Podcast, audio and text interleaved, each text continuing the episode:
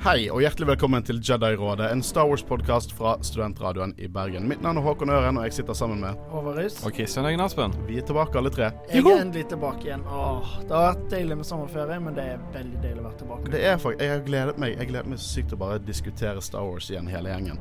Eh, og spesielt disse episodene. Og det gøye nå er at vi skal spille inn oftere, sånn at det kommer ukentlige episoder forhåpentligvis til dere. Nå, nå har du lovet mye, Kristian. Nei, nei, nei. Så, nå, nå, Så ja, hvis det ikke blir av, da er det. Til og med skrive det på Facebook. Jeg sverger på at en episode kommer ut hver uke. Ops.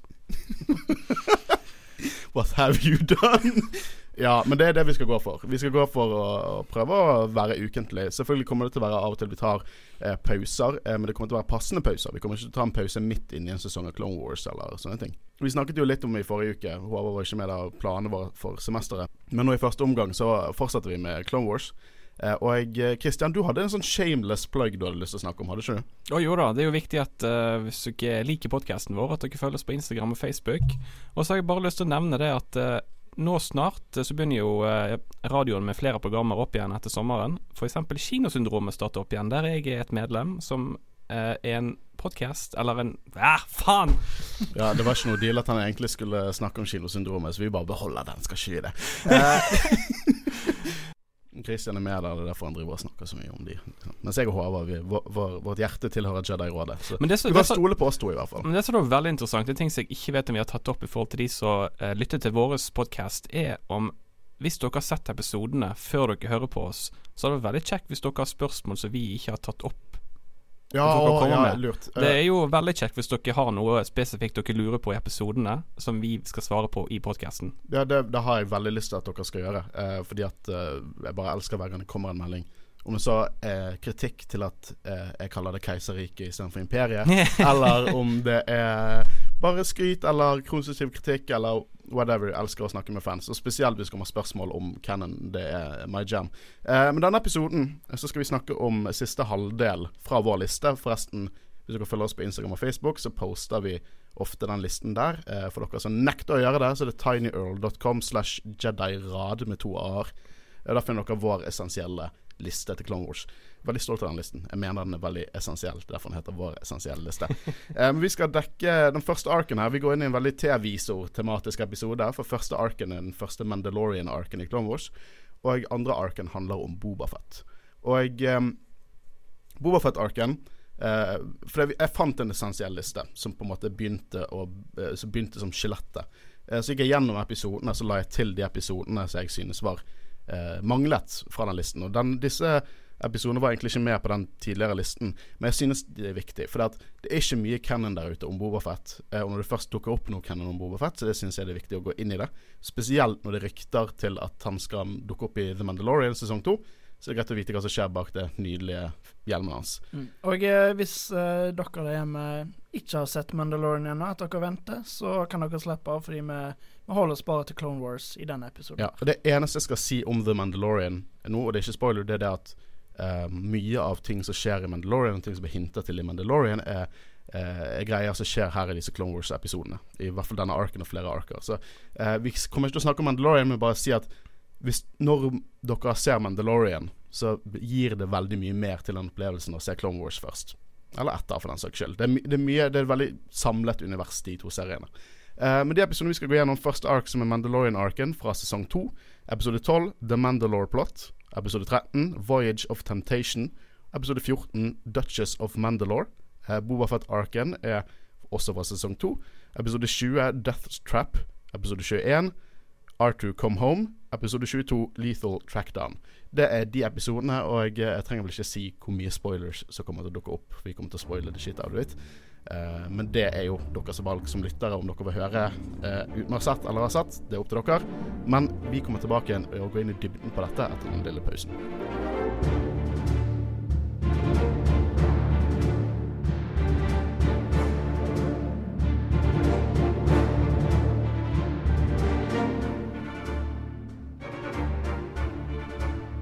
Så episode 12 fra sesong 2, The Mandalore Plot. Og jeg, eh, denne arken er den Clone Wars-arken jeg har sett mest.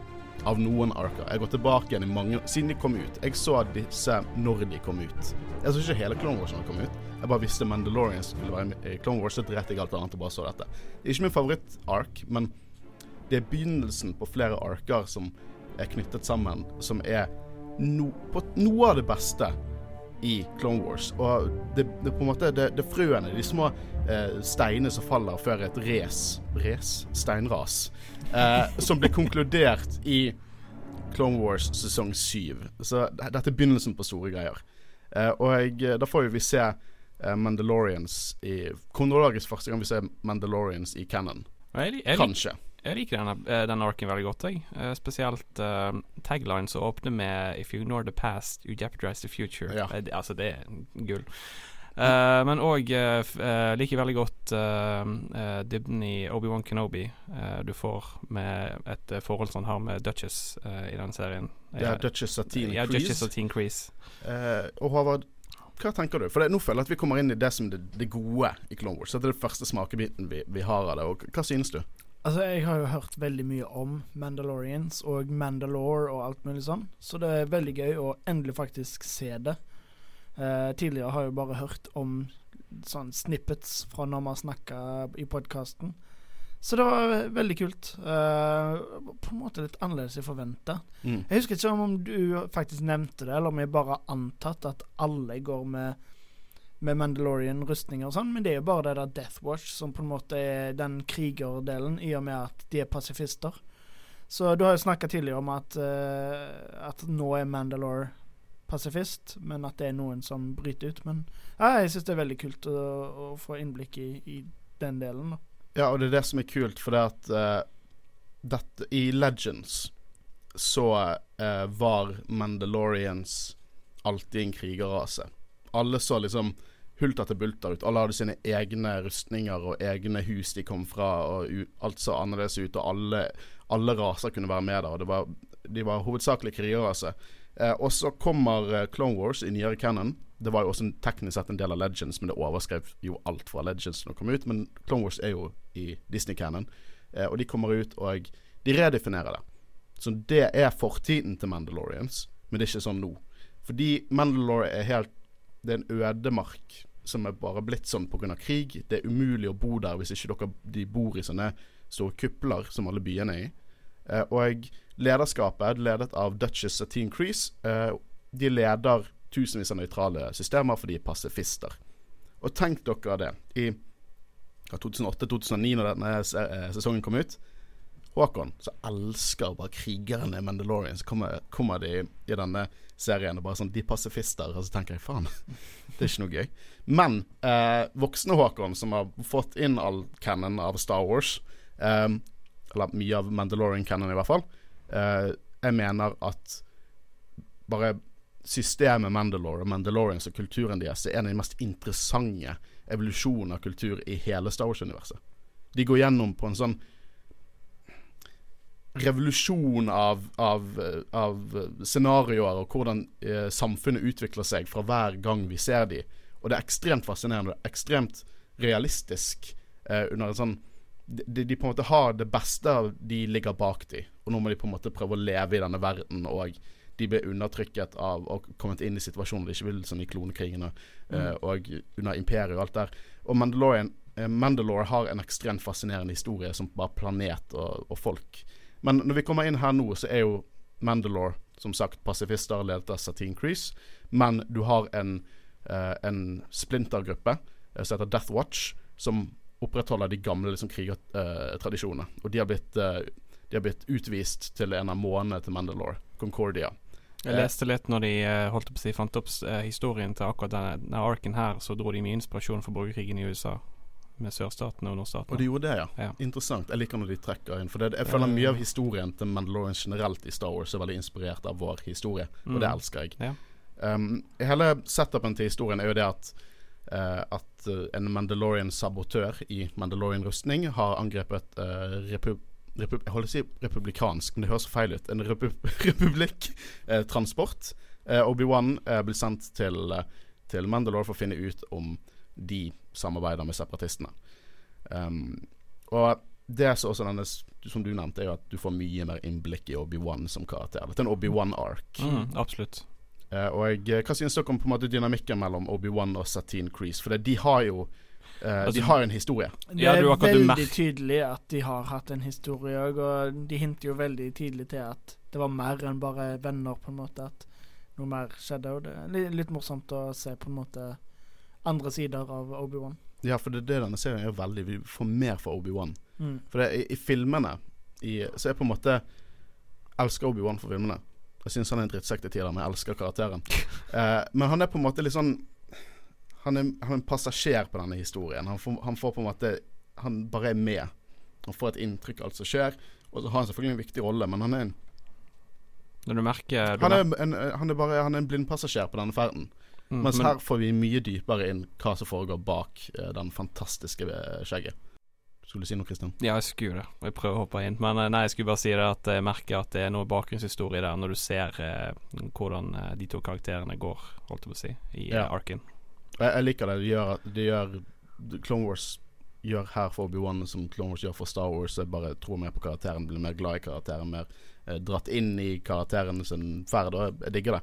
Eh, jeg har litt lyst til å snakke om litt sånn metating, da. Eh, mye av designet på, på sånn eh, vaktene til Satin og Satin sjøl er jo sånn ubrukte designer fra Star Wars, som Clone Wars er veldig glad i å bruke. For eksempel Satine har på seg en kjole som egentlig skulle vært til Padmay i Phantom Menace. Det forundrer meg ikke, fordi det er så veldig Padme ja, veldig overdrevent ut. Og så eh, fikk jeg uh, leste jeg i stedet at uh, hjelmene som de bruker, er inspirert fra gammelt design fra Holiday Special. Oh, ja. Det var veldig interessant. Ja, for det er på Mandalore eh, Pasifist-Mandaloriansene bruker og ikke det Altså, ikoniske Mandalorian-rustningene. Altså dratt fra designet på Bobofet. Uh, Ja, men det er det som er kult, for du ser eh, arkitekturen rundt på, på alt. Alt er designet av hvordan Boba Fett sin rustning ser ut. mm. mm. Du har alle disse eh, geometriske formene, og hvordan alt er sånne glasskupler, og du kan se gjennom flere bygninger. Alt er inspirert av på en måte de ikoniske med Mandalorian-rustninger, alle på en måte vinkler og geometriske formene, og det er litt kult. Jeg kan ikke si at når jeg var fan av Legends og hørte om Mandalore, at dette er så for meg, men jeg syns det er kreativt, og det ser kult ut. Men i forhold til det du sa i sted om Dutchie Satine, eh, inspirert fra tidligere eh, materiale, holdt på å si, er at eh, hun har blitt eh, dratt videre fra skisser laget av Queen Amidala. Ja, og hun var uh, i teorier etter Force Awaken uh, bestemoren til Ray, fordi at de mente at Obi-Wan Satine fikk et barn og bla, bla, bla, fordi Wait, at hun var britisk. Det har jeg ikke med meg. ja, det var en stor teori. Jeg tenkte det var silly, men det er mye som skjer i sequel-trilogien som er ganske silly uansett. Mm. Men nok om det, det, tar vi senere. Ja, yeah. Eh, Obi-Wan møter på statsminister Olmec, eh, og vi får litt mer sånn exposition av hva som har skjedd på Mandalore det siste. Han formidler jo at Mandalorians ikke lenger er krigere, og de siste krigerne er sendt til eh, eksil på Concordia. Eh, og her får vi et veldig omdiskutert eh, samtale. For han sier eh, Obi-Wan sier jo det at han han hadde dealings med Jango Fett i Mandalorian-rustning, og Almek sier han er ikke en Mandalorian. Eh, og jeg, eh, hvordan han fikk den rustningen, eh, vet ikke han. Og det er en omdiskutert ting. Og Josh Lucas kom ut og sa de er ikke Mandalorians, og bare droppet denne lille gr- håndgranaten i Clone Wars som bare gjorde at folk ble dritforbanna. Og det er her det stammer fra. Alle diskusjoner om Jango Fett og de er Mandalorians, kommer fra denne episoden der Almec sier at de ikke er det. Men jeg mener det er opp til diskusjon. Mm. For det, Olmec er høyt oppe i pasifistregjeringen til Mandalore, og han mener at krigeren Jango Fett ikke er en Mandalorian. Hva, hva vil det si å være en Mandalorian i Almec sine øyne? For visstnok, i canon, så hevder Jango Fett at han kommer fra Concord Dawn, og Concord Dawn er en Mandalorian-system. Og hvis han er født og kommer fra Concord Dawn, så er han teknisk sett en Mandalorian. Jeg synes det, jeg liker den diskusjonen. Jeg lurer på om vi noen gang får et konkret svar, eller om de bare lar det være åpent, og, åpent til tolkning. Jeg føler på meg at vi kommer til å få et konkret svar. Uten å si noe mer på det, for da må jeg drive og spoile shit. Men eh, jeg, jeg, jeg føler på meg at vi kommer til å få et svar på det. Um, det går fint for meg hvis de ikke er Mandalorians, liksom. Eh, jeg har ikke så mange geiter i løpet om de er Mandalorians eller ikke, men uh, det er en kul diskusjon, uh, og jeg, jeg syns det er interessant. En annen ting som jeg glemte å si uh, når vi snakket om Jango Fett uh, i Attack of the Clones-episoden, var for begynte jeg å snakke om Beskar stål og Mandalorian-rustninger. Rustningen til Jango Fett er ikke laget av Beskar stål. Så vi sier at Mandalorians bruker ikke nødvendigvis Beskar stål i rustningene sine for alt. De kan lage Mandalorian-rustninger som ikke er laget av Beskar. Jeg bare syns det er en kul detalj. Hva er han laget av? Um, Durastil, eller Duraplast, tror jeg faktisk. Som, det, det, det, kan, eh, det er i hvert fall en av de duraene. Ok. En av de yep, duraene. Um, vi får jo også litt sånn diskusjon mellom Satine og Obi-Wan. Eh, og som Håvard sier, du merker fort at det er noe der. Eh, og hele temaet rundt deres diskusjoner på hvordan de forholder seg til dette med krig og pasifisme og sånne ting. Eh, for Obi-Wan mener jo at peacekeepers Det snakket vi litt om i forrige episode. Mhm. eh, at peace, Jedier som peacekeepers må kunne kjempe for å bevare fred. Mm. Mens Satine er litt mer sånn eh, Ikke slåss, uansett. Bare svart og hvitt. Og jeg syns hun er litt naiv. Jeg blir litt lei av snakkingen hennes, spesielt i eh, andre episoder. Når Arken kommer tilbake til det senere episoden. Men hun, er, hun føles veldig naiv ut. Men samtidig er Obi-Wan litt naiv også. Vi snakker, har jo The Peacekeepers, og vi snakket i forrige episode, bare for å recappe litt, er at i Attack of the Clones så sier jo Mace Windu tidligere i filmen at de er ikke soldater, de er peacekeepers. Og senere i filmen så blir hver eneste jævla gener eh, Jedi en general og får sin egen kommandotropp, liksom. Eh, Jedier er jo hyklere, men jeg synes også sånn Jeg synes Satin er bare naiv. Men jeg har også veldig lyst til at Mandal liksom, Jeg heier på Death Watch. Du er alltid på de onde. Ja, men jeg vil jo at Mandalorian skal være Mandalorian, så ikke dette pasifistrittet som Satin holder på med. Um, vi får jo i hvert fall høre litt mer om, om Death Watch fra Satin. Uh, for hun, hun på en måte blir mindre uh, Hun blir mer roligere når hun hører at Eller satt ut når hun hører at det er de ordrene som er beordret Obi-Wan og dratt dit, og ikke republikken. For hun er jo livredd for at republikken skal eh, blande seg inn og dra de med i krigen, for hun leder tusenvis av systemer som er også nøytrale. Så de begynner å diskutere det og går seg en liten tur, og vi får høre om Death Watch, og hun mener at de på en måte er en gjeng med pøbler. En liten gjeng, bikergjeng, liksom. Eh, og eh, Death Watch, det var jo et konsept i Legends også. Eh, og i Legends så hadde, var det en Mandalorian borgerkrig. Det var når Jango Fett faktisk var Mandalore. Eh, han var jo Mandalorian i Legends. Eh, og da var det en borgerkrig mellom Death Watch og en karakter som het Thor Wiesla og Jango Fett sin Mandalorians. Jeg må understreke det er ikke canon, men eh, Clone Wars har har tatt som ting fra Legends og gjort til canon. Eh, og disse Death Watch er jo en terroristgruppe jeg er inne til Satine, i hvert fall. Eh, og, Ikke dine? Nei. Absolutt ikke. De er helter. Eh, og de er på månen Concordia, eller de var på månen Concordia. Hun forventer at de har dødd ut, egentlig. Men så har på en måte Eller de krigerne som ble datt, eh, dro til eh, Concordia, må ha dødd ut, og så på en måte kommer du Death Watch som på en måte Nesten sånn nynazister, nesten. sant? Eh, Er du virkelig sikker på at du har lyst til å støtte dem? jeg bare sier konseptet. Det er ikke det, ideologien er ikke det samme. Jeg bare sier konseptet. Og En annen ting som jeg reagerte på når du snakker om nynazister eh, Alle Mandaloriansene ser veldig sånn ariske ut. De er veldig sånn blonde og blå øyne og sånn. Og det plagde meg eh, Når jeg først så det i forhold til Legends. For Legends var sånn alle kunne være en Mandalorian. Men her er det sånn det er nesten klart en, en rase. Mm. Eh, men det har de retconet. Det er ikke, dette er bare de som bor på Mandalore. Og det kan forklare, jeg vet ikke, Kanskje det er fordi at de bor på sånn utsatt sted med mye sol og hvitt. At det på en måte Det er sånn de er bare hvitere pigmenter. Jeg vet ikke. Men det er i hvert fall ikke det som er dealen. Alle, det er på en måte mange forskjellige folk som er innenfor Mandalorians Mm. som jeg er glad for. Uh, og vi får liksom uh, noen scener der du ser Death Watch-lederen. eh, At han helt klart er i samarbeid med Count Dooku, og Death Watch har lyst til å ta over uh, Mandalore. Uh, og det som er litt kult når vi snakker om er Bobafett en Mandalorian Bobafett-musikken blir spilt i bakgrunnen hver gang vi ser Mandalorians her. Jeg vet, vet ikke om det, det betyr sikkert ingenting, men det er en kul liten detalj. da Så det er, det er i hvert fall mye Mandalorian-tema i karakteren Bobafett. Ja, det hørte jeg ikke. Nei, det tenkte jeg i hvert fall ikke over. Det er litt sånn endret på, men det er helt klart uh, litt sånn subtilt i bakgrunnen. Kult når de gjør sånne ting. Ja, jeg synes at de er, Som regel så klarer de veldig flott uh, med soundtracks i Clone Wars. Eh, For eksempel i Bobafett-arken senere så har de laget en helt egen Bobafett-theme til Bobafett. Ironisk nok så er ikke Bobafett-theme med i Bobafett-episodene, men i Mandalorian-episodene. Um, det er terroristangrep for Death Watch. Ene skyldige tar sitt eget liv og snakker visst med en Concordian-dialekt. Jeg liker også at det, det, det er klart respekt mellom han og Satine til tross for at de er fiender. For han kaster seg ut fra en bygning, eh, og så kommer Satine og på en måte beroliger han da.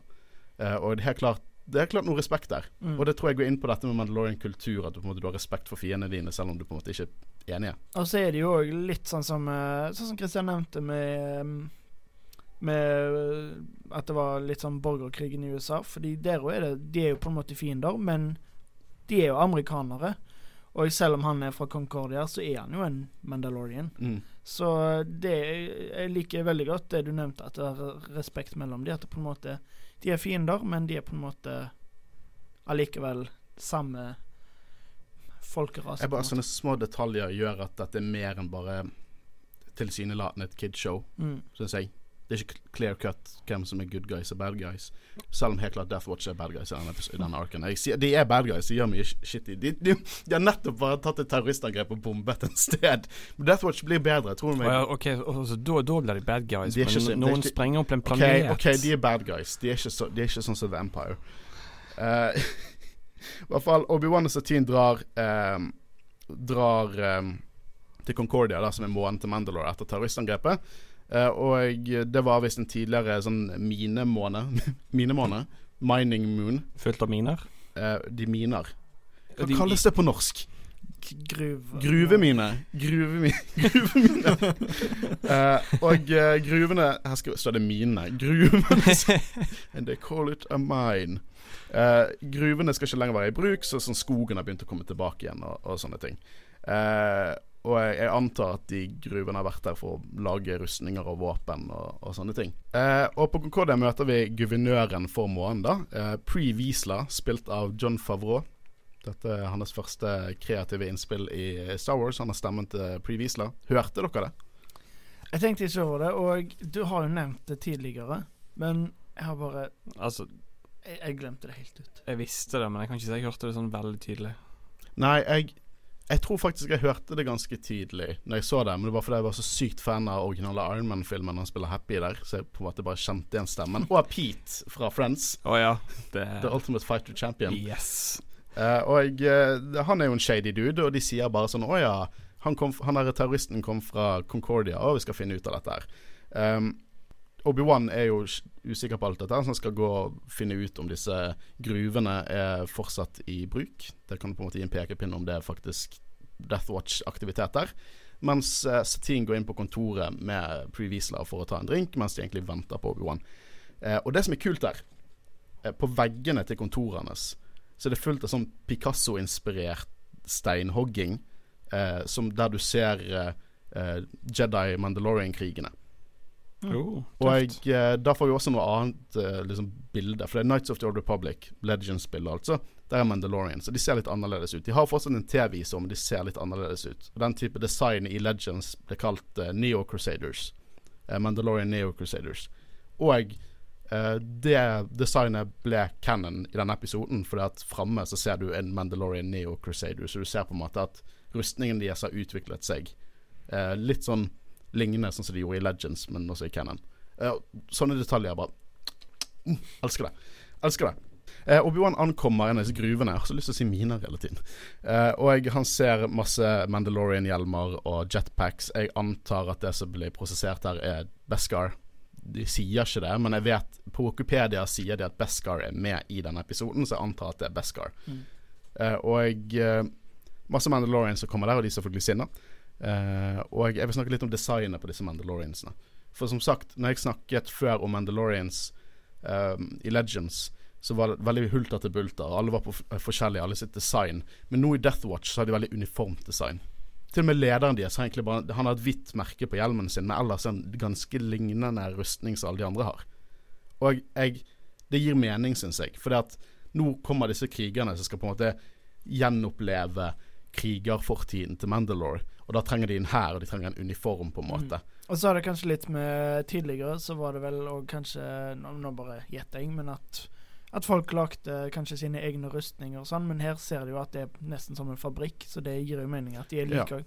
Og for folket, liksom. eh, Å ha noe, en uniform. For det, de vil jo at folket på Mandalore, som virker som sauer som bare følger vinden, eh, skal på en måte se på de som, som, eh, som på en måte helter når de skal ta over Mandalore. Da vil de sikkert ha et ikonisk bilde, liksom en uniform, for å vise at de er på en måte en, en enhet. Mm. Så jeg syns det gir mening. Eh, for Mandalorians, som vi har sett i Ann Cannon, er jo fortsatt sånn som de var i Legends i forhold til hvordan de lager rustningene sine, men nå er det på en måte en, en, en gruppe som skal på en måte reise opp igjen fra støvet og på en måte ta over igjen. Og det gir det mening. Jeg tror på universet når jeg ser sånne ting. Uh, og jeg, eh, jeg så jo behind the scenes av disse episodene, og da snakker de veldig om at de, de de skulle ikke Mandaloriansene skulle ikke se ut som en gjeng med bikere, som er litt det som du kan få innstilling av for klassiske Mandalorians. De skulle se ut som en hær. Og det gjør de. Uh, og det liker jeg. Uh, Mandaloriansene banker opp Obi-Wan, tar lightsaberen hans. De er formidable. Det er ikke som droider, dette her. Uh, og så skal de drepe Obi-Wan på den mest, minst effektive måten som eksisterer, med å feste han på det samlebåndet og ta ned i Dette er ikke første gang folk skal bli drept på tungvinte måter. Men det skal se ut som en ulykke, sant? som at Jedi-mesterne i en del av rådet bare sånn ramlet ned i en sånn herre fabrikk i tannhjul som knuser, uh, knuser steiner. Og så er det jo litt det at det øker suspensen for de som ser på. Ja, og at Obi-Wan har en sjanse til å sende Kom melding. seg. For de tok ikke vekk kom-linken hans, de lot han sende melding til Satine, Så sitter jeg i middag med, med Pre Wiesla, og uh, eh, Obi-Wan sier ja, OK, Death Watch er her, de tar meg til fange, du må komme og redde meg. Og så kommer hun, da. Uh, og Er det så lurt å ta med seg dronninga av Mandalore? Og så at hun skal gå helt alene for å redde han? Der han vet at det er Hun har ikke så mye, han har så mye sjanse der, men det, kanskje det var eh, litt, litt dårlig planlegging de å dra alene til Concordia, der de hørte rykter Der de, de kunne sense seg fram til at det var Death Watch-aktivitet. Men ut ifra det du spurte om, så hadde han vel egentlig ikke andre valg. Nei, Nei, ikke, ikke der og da, men det andre eh, ting du kunne gjort før. Liksom sånn, Du strøk på eksamen, men da kunne du lest bedre før. Mm. Sant? Sant? Vi kan tenke, vi kan spekulere, spekulere, spektisere. Yes. spekulere. Uh, Satine redder Obi-Wan da, eh, etter mye om og men, men han har ikke lightsaberen sin. Eh, og så ender det selvfølgelig i en stor, veldig veldig kul konflikt med Death Watch. Eh, jeg elsker denne kampscenen. Elsker alt det som skjer her, bare hvordan det ser ut. Eh, eh, vi får på en måte reveale da at Pre Wiesla er selvfølgelig Death Watch-lederen. Og det skjønte jeg når jeg først så episoden, for at Legends-kunnskapen min sa at Thor Wiesla var Death Watch-lederen der. Da må jo selvfølgelig andre Wieslaen også være lederen av Death Watch her. Pluss at han er ikke veldig diskré. Nei, Han er ikke diskré i det hele tatt. Jeg skulle akkurat si det, at du trenger ikke være eh, rocket scientist for å finne ut at det var han som var ond. Fordi bare måten han liksom bare så på, liksom bare. Jo. Eh, og han vil jo selvfølgelig Han synes Satine er svak og krenker navnet Mandalorian. Det gjør hun. Mm. Jeg vet ikke, Hun er ikke så svak, men hun krenker navnet Mandalorian, synes jeg òg. Eh, men han skal i hvert fall gjøre alt for å få makten tilbake og få komme tilbake med krigerfortiden til Mandalorians. Og nå skjer det noe som jeg synes var utrolig kult. Fordi det er på en måte noe jeg har hørt om gang på gang på gang. Og det er der Dark Saber. Mm. Og jeg har liksom aldri visst helt hva det var, men nå fikk jeg endelig se det. Ja, for dette er første episode med Darksaberen. Ja. Og vi har snakket om Darksaberen før. Eh, det er som sagt en svart lightsaber. Eh, det kom mye mer canon ut, for han sier i denne episoden at han, eh, hans forfedre stjal Darksaberen fra Jedi-tempelet. Eh, faktisk så var hans forfedre eh, forfeder Tar Wiesla første og eneste Mandalorian Jedien. Eller Mandalorian som ble invitert til å bli en Jedi. Som jeg syns er litt rart, for han må være, han må være the Mandalore. Så det betyr at han er voksen. Og så ble han invitert til Jedi-ordren når han var ganske voksen. Og så lager han denne lightsaberen. Denne darksaberen er på en måte representativt av lederskapet til eh, Mandalore. Eh, og dette er ikke siste gang vi kommer til å se den. Eh, jeg liker også når det er noen eh, Mandalorians som prøver å ta ut Obi-Wan, men så feiler de, og så kommer han gående med kappen sin, og så sier han bare 'failure' og skyter en av sine egne menn. Og bare, det er så kult. Um, han tar av seg hjelmen, sånn at vi ser at eh, han er han. Og så er det en eh, ganske kul eh, kamp mellom eh, Obi-Wan og uh, Pre da, som jeg syns er veldig kul. Mm. Eh, jeg liker også den lille spøken til eh, Obi-Wan til, til, eh, til Satine, der de sier, han sier 'We have to stand and fight', or in your case, just stand. Eh, Obi-Wan og Satine slipper selvfølgelig unna, de må jo overleve. Eh, og eh, Obi-Wan mener da at eh, At eh, det er et samarbeid mellom Death Watch og separatistene, og det gjør at Mandalore er en del av krigen, eh, som Satine selvfølgelig blir sinna for, fordi at de vil jo holde seg nøytral. Eh, og det var eh, episode Hvilken episode var det? Tolv. 12. The Mandalore Plot. Og jeg, eh, Vi har egentlig gushet ganske mye om den episoden, men skal vi gi litt sammendrag om hva vi synes? Jeg likte Jeg syns det var en god eh, start av eh, Mandalore-plottet, på en måte.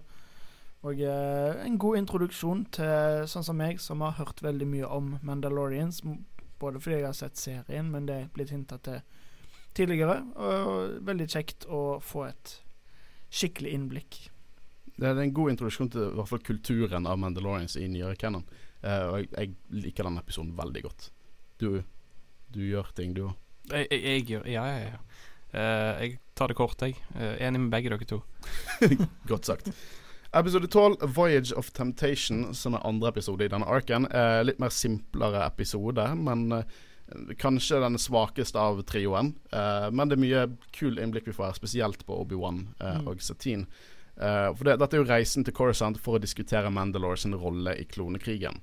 Eh, Obi-Wan Anakin er så å si livvakter for Satine, eh, før hun får diskutert konflikten med republikken. Eh, de skal stemme for om Mandalore skal få bli nøytral. For det, det, inntrykket mitt er sånn Først tenkte jeg sånn Hvorfor skal de stemme over noe i republikken? De, de er nøytralt system. Hvorfor har de noe de har ingen, Dere har ingenting dere skal sagt, liksom Prodo Empire. Det, det, det, det er ikke deres valg. Dere, og senere i serien Så er det sånn andre folk som trenger hjelp. Og sånn, ja, men Vi kan ikke blande oss, for da blir det en ny krig. Men her er det bare sånn Å, vi skal invadere og hjelpe til. Men ut ifra ting som ble sagt i episoden, så tror jeg at eh, Mandalore teknisk sett på et på visst nivå er en del av republikken. For Palpatine eh, snakker til Satine som at hun er en lojal tjener til republikken, på en måte. Og hun har jo en plass i senatet, hun er jo der og kan stemme, så jeg antar at de er teknisk sett med i republikken, men at de får lov til å holde seg nøytral. Mm. For de var ikke en Handelsføderasjonen på et tidspunkt en del av uh, republikken. Det snakket vi om tidligere. Handelsføderasjonen er også Jo, for de er jo nøytrale. Mm. Og de er jo en del de, de en del av begge sider, på en måte. Vi snakket litt om det tidligere, for at separatistene og uh, Trade Federation er ikke nødvendigvis samme ting. Det er bare individer i Trade Federation som er separatister. Ja, det sånn Og samme med The Blank Banking Clan og sånne ting. Det, det er på en måte businessman og businessman is evil. Uh, altså Star Wars-skåper. Um, og jeg synes at Satine er så jævla høy på pæren. Hun sitter inne i det der rommet sitt i en seng mens hun snakker med alle, og så kommer det droider og serverer henne sånn vin og mat og sånn. Eh, og de snakker liksom sånn Å, jeg står for livet, og jeg, folk skal leve og ha det bra. Jeg synes hun er så jævla Hun oppfører seg som en jævla keiserinne, og så er hun latterlig naiv. Irriterer meg så sykt. Og så hjelper det ikke at hun snakker sånn hoity-toity. Jeg tror hun sier eh, I episode tre så sier hun sånn You run hither and yon with your lightsaber. Eller sånn Fuck off. uh, og nå har de en, eh, en liten sånn banter-krig, da.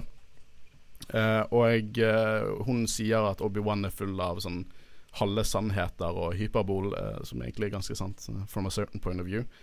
Um, hun har noen poeng om Jedi, da, samtidig som jeg syns hun er naiv. Hun er der, de er der liksom for å beskytte Satine, og hun er livredd for vold.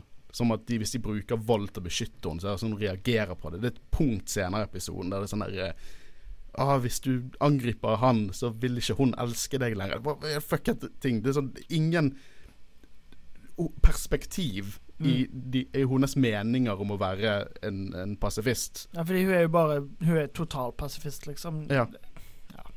Jeg skjønner pasifisme på liksom statlig nivå og sånn, men i et sånt univers så kan det ikke være Nei. helt mot vold generelt. Ja, og eh, denne episoden er jo ikke bare at de snakker med hverandre og krangler. Det er jo selvfølgelig Death Watch som har infiltrert skipet, og de bruker noen sånne creepy edderkoppdroider. En eh, Åh, de, er, de var kule. Ja, de var kule. Ah, Nesten som en probe-droid, bare med edderkoppføtter og sånne hull til små edderkopper oppå. Og når de eh, var inne på det, på det lasterommet, og det var så mørkt Jeg fikk så alien-vibes. Han tar jo en sånn her død clone trooper og bare sånn poppet. puppet. det var ekkelt. Skikkelig kult. Eh, og den heter Dette kunne jeg ikke, dette måtte jeg researche. Den er bare med i denne episoden. Og det er en SDK4 Assassin Droid, og de små edderkoppene er Probe Killers. Og, og det er litt sånn de jeg syns var kulest i grunnen for at uh, når de bare kom og kom flere og flere, jeg fikk liksom uh. Jeg synes det var så creepy. Dere vet det er en edderkopper når de eh, føder barna sine, så er de oppå kroppen til edderkoppen. Mm. Jeg fikk sånne vibes. Og de der paddene som, som, som sånn før, Eller har på en måte eggene sine i ryggen sin, og så slipper eh, frosken eller rumpetrålet ut av ryggen deres. Jeg fikk sånn vibe av det. Det var jævlig creepy. Eh, effektivt, da. Eh, både som Assassin Droid og eh, for historien. Um, vi får jo også litt, som sagt, eh, historien til Obi-Wan og uh, Satine. Eh, vi fikk høre det at han og Quaigon hadde visst et oppdrag der de beskyttet Satine på Mandalore for mange år siden. Og det var visst en borgerkrig som drepte mange av Satine sine nærmeste venner og familie. Som også er en grunn til at hun hater vold. Uh, jeg blir alltid glad når de nevner Quaigon. For som sagt, Quaigon er kanskje en av de viktigste karakterene i hele Star Wars-sagaen. Og Clone Wars understreker det noe ekstremt. Uh, Satine og Obi-Wan hadde helt klart De sier det, de hadde følelser for hverandre. Og uh, Obi-Wan uh, snakker liksom dette om anger og tvil, litt rundt jedi-koden og sånne ting. Og vi, man merker denne episoden at Anakin er veldig eh, fascinert over forholdet deres. Han erter han litt og fortsatt er veldig sånn intrigued. Og det tror jeg rett og slett for Anakin vet hvordan han har det. Mm. Og det som er trist, er at Obi-Wan hadde jo forstått Anakin. Fikk det. Obi-Wan vet at Anakin og Padmay holder på. Holder Mm. på er gift. Og han kunne hjulpet de. Det, det går ikke.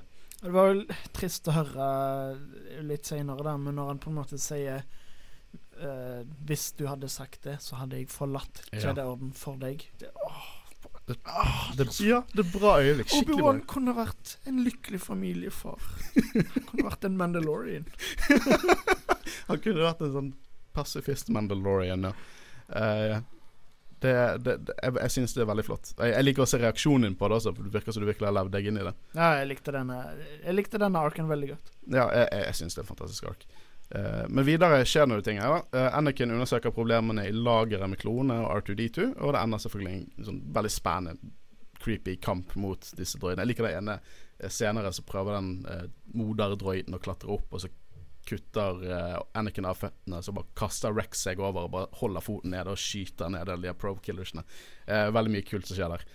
Um, eh, det er en kul scene senere der, der de tester en sånn liten probe killer mot For det er flere senatorer på dette skipet. Eh, så de har en probe killer inni en sånn lite glass, og så ser hvem den er aggressiv mot. Eh, og Tal Merrick det er en karakter som var med i forrige episode, som er litt sånn Greema Wormtongue-esk. Eh, og han er helt klart eh, forræderen. Eh, og Og igjen, jeg er ikke så overraska hvem som endte opp med å være forræderen heller. for det, de det, er så, det er ikke så diskré. Han tar jo selvfølgelig Satine som gissel, og jeg tenker sånn Obi-Wan Du skal finne ut hvem forræderen er. Kanskje refleksene litt på topp. Kanskje tenke at den personen er litt sånn Litt desperat her han er nå. Eh, I hvert fall Han tar med Satine til cockpiten og så snakker litt med Pre-Wiesler, og de skal, skal sende forsterk separatistforsterkninger til å ta over skipet. Droideforsterkningene kommer, eh, og alt eh, ender med at Merrick truer med å sprenge skipet eh, dersom Jedien prøver seg på noe mens han holder på en måte Satine som gissel. Um, han prøver da å slippe unna, da. Her kommer den scenen der du snakket om at hun sier at hun elsker Obi-Wan, og han sier det at han hadde forlatt uh, ED-ordren hvis eh, hvis hun hadde bedt om det. Og her kommer den teite, teite scenen. For at Merrick føler han har på en måte the high ground, for han sier sånn der Å, du er pasifist. Hvis du dreper meg nå når jeg holder på å drepe deg og alle de om bord, så er du hykler. Og Obi-Wan, hvis du, hvis du dreper meg, så vil ikke hun elske deg lenger, for da er ikke du pasifist. Det er sånn Perspektiv, people.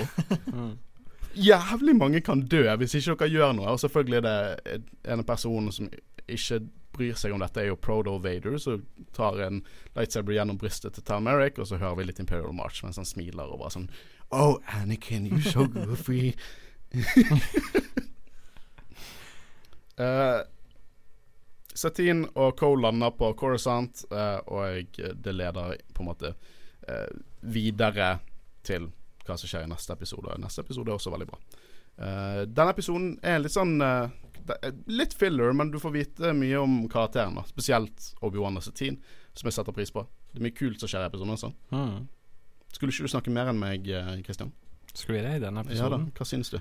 jeg prøver, men det er så vanlig å bryte inn når du prater. Det går liksom Du må bare avbryte meg, da. Hva var spørsmålet? Hva syns du om episoden? Ah, nei, jeg uh, syns det var fin. Uh, holdt på å si uh, Jeg liker den arken veldig godt. Jeg eh, føler at det bygger videre til en ekstremt god tredje episode. Mm. Eh, Det er jo et godt eksempel på at eh, Eller det er jo faktisk mye action, men du trenger ikke sånn hele tida action. Det er greit med en sånn pusterom òg, der man får vite mer om karakterene. Og det gjør på en måte Ja, jeg føler det er så teit å si, for de sier det så ofte, men det gjør verden liksom mer realistisk. Og eh, jeg tror mer på det. Personene og karakterene som er der, liksom. Og så I forhold til det du nevnte angående med eh, Anakin og Padmay og eh, Obi-Wan og hun Satine, er jo et veldig godt eksempel på eh, at hvis han hadde kunnet vært der og hjulpet dem, så hadde det sikkert utviklet seg annerledes for Mm. de to. For Det er sånne småting. Vi snakket jo litt om det i forrige episode. Mm. Sånn foreshadowing til Vader. Det er sånne småting som gjør at det nesten blir mer tragisk historien til Anakin Skywalker. Er Til og med en liksom- episode som ikke handler om Anakin. For det går liksom i hele serien med foreshadowing til Wader og Anakin, og med tanke på det at Imperial March blir spilt av når han tar Merrick. Mm. Vet du en ting jeg la litt merke til? eh, for det, De første episodene Håvard, så begynte jo du å snakke om at eh, det var litt frustrerende at hver episode avsluttet med sånn her 'Hva vi lært i dag?' Men det er ikke så mye av det her. Her er det mer sånn 'Å, faen, konsekvensen av dette kan føre til enda mer shit som er story-relevant'. Er, denne stemmen Hvem er det som har stemmen til han som snakker i starten alltid? Uh, usikker hva han heter, men det er i hvert fall han som har stemmen til Wolf Ularen også. Ja. Det, det, du vet Wolf Ularen? Ja, ja, Ja, ja, ja. er det på ja. Death Star, sant? Mm. Neste episode, episode 14, 'Duchess of Mandalore'. Eh, jeg syns den arken er veldig balansert på sånn sjanger. Mm. Du får liksom en sånn politisk intrige i første eh, Andre episode får du litt sånn eh, bodyguard-opplegg, og i tredje får du eh, eh, litt sånn eh, eh, Hva det er ute etter? Dybde? nei, det er sånn corruption, og eh, noen blir set up, og eh, litt mer sånn nesten spionthriller-opplegg. Mm. Men uh, altså, jeg mener at denne episoden er den beste ut av arken. Ja, det synes jeg. Det er bare det, Jeg er veldig glad i Mandalorians. Og Det var Mm. mange av de i første episode, og da blir jeg veldig glad av å se de. Ja. Eh, men ja, Jeg, vet du hva, jeg skulle likt å se ansiktsuttrykket ditt når du fant, fant ut at Mandalorian skulle få sin egen serie. jeg trodde, ikke, jeg trodde ikke på det før første episode var, var foran meg. Helt ærlig. Og så ble jeg overrasket over at det var Mandalorian-scenen etter jeg begynte å se den. Jeg kødder. Eh, men denne episoden handler jo rundt denne, denne avstemningen eh, på Coruscant i Senatet om Mandalore skal få bli eh, nøytral. Og Satin er jo der for å overbevise Senatet om at Death Watch ikke er en uh, trussel, og at de ikke representerer Mandalore. Motivasjonen til Pre Weasley i alt dette her er jo at han vil at, at eh, republikken skal invadere. Eh, han vil at det skal gjøre at folket ser ned på Satine og vil ta imot Death Watch som helter. Eh, så han sender en snikmorder til Coruscant for å drepe henne, med støtte fra Count Dooku, som står der og sier jo, bare gjør dette, og så blir det bra. Jeg lover deg, det blir bra. Blir det aldri bra.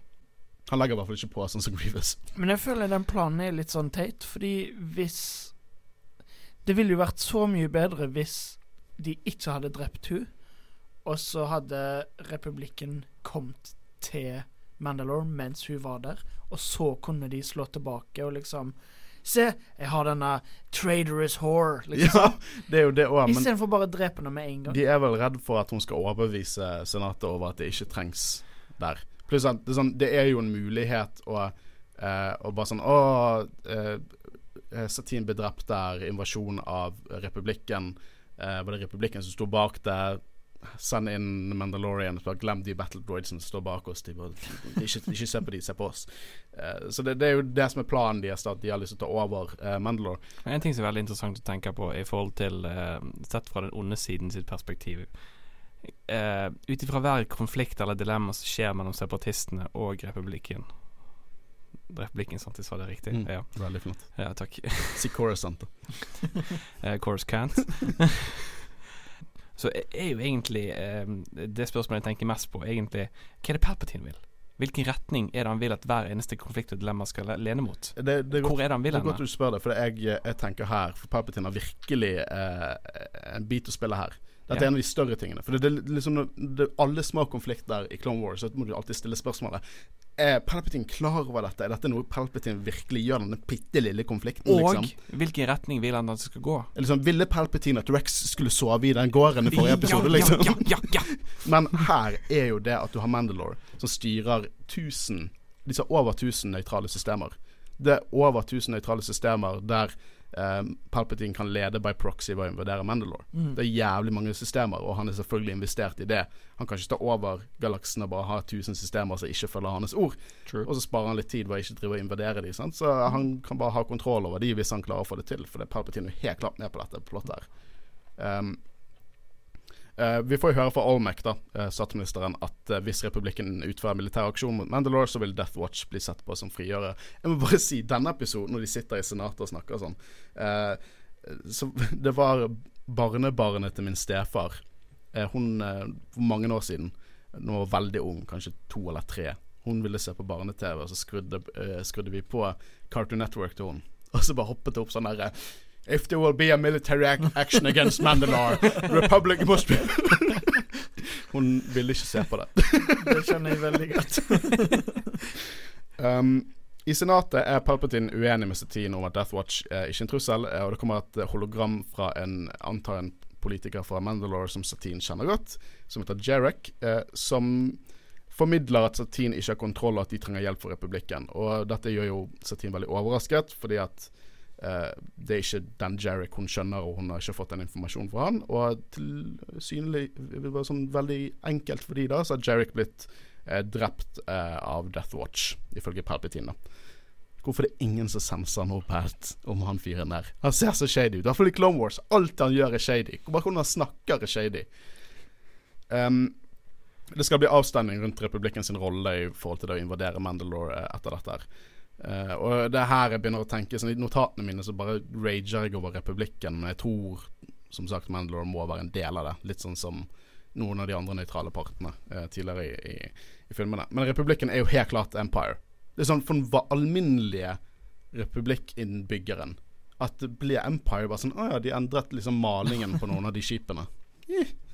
Eh, ingen hadde merket noe. Ingen! Du ser jo til og med Revenge etter Order 66. Folk kjører jo rundt omkring og bare gjør sin vanlige ting. Det er bare Jediene og Padme og de som har pro problemer der. Liksom, Ingenting har endret seg. Det var faktisk en på eh, Beklager at jeg ikke husker navnet ditt, men det var en på Instagram som eh, tagget oss i en sånn video eh, på Instagram der det er en sang og en sånn vanlig innbygger som ser sånn eh, republikken blir til Empire. Bare sånn 'Nothing has changed at all'.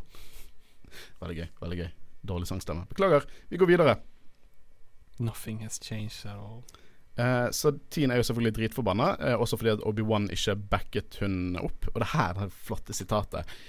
Hither and yon wielding a lightsaber as you were on a crusade. Get off your high horse, lady.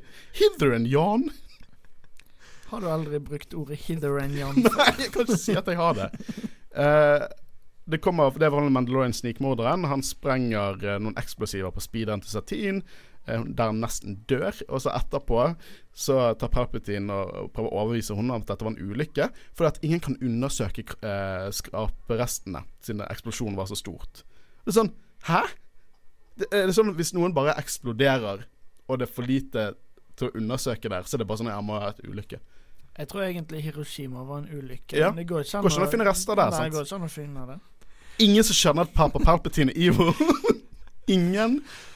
Eh, det ender Kanskje bedre å si Jeg tror Alderon var en ulykke. Det er ingen som Det kan var en eh, inside job, og du vet det. Jeg liker også Masa Meda. Han bruker jo hele saken og bare sier jeg er enig med Satine. Dette beviser at republikken må invadere siden hun holdt på å bli drept liksom av Death Watch. Så hun bare Nei, det er ikke det jeg vil!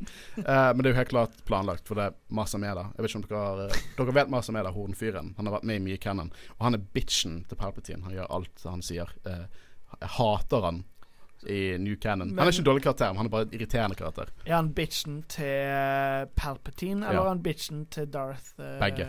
Han, forbli, han han forblir han hans liksom sånn rights eh, hand man etter Empire blir en ting. Mm. Uh, og når New Republic tar over etter, uh, etter krigen, uh, så er han sånn der eh, han, han blir så sykt krenket, og han gir, gir de all informasjon de vil ha. Bare sånn, «Eh, her, alt dere vil ha, jeg bryr meg ikke, bare la meg gå. Han er en pingle og den store bitchen til Palpatine. Og det, det sånn han, han bruker ord som sånn verbal sparring med eh, Tarkin. Og bare sånn 'Å, jeg sa ikke til deg at, at eh, Palpatine ville møte deg fordi at jeg hadde lyst til å ha en verbal sparring med deg'. Altså, han er, han er en fyr som har mye makt, som tror han er smartere enn han er. Det er masse mye, da. Um, Satine vil nå ta saken i egne hender, eh, finne ut hvem det er som setter henne opp, for hun skjønner at noe ikke er riktig her. Eh, og så har Senatet bare sånn surprise vote, der de finner ut at de skal invadere. Eh, de er jo så å si Empire.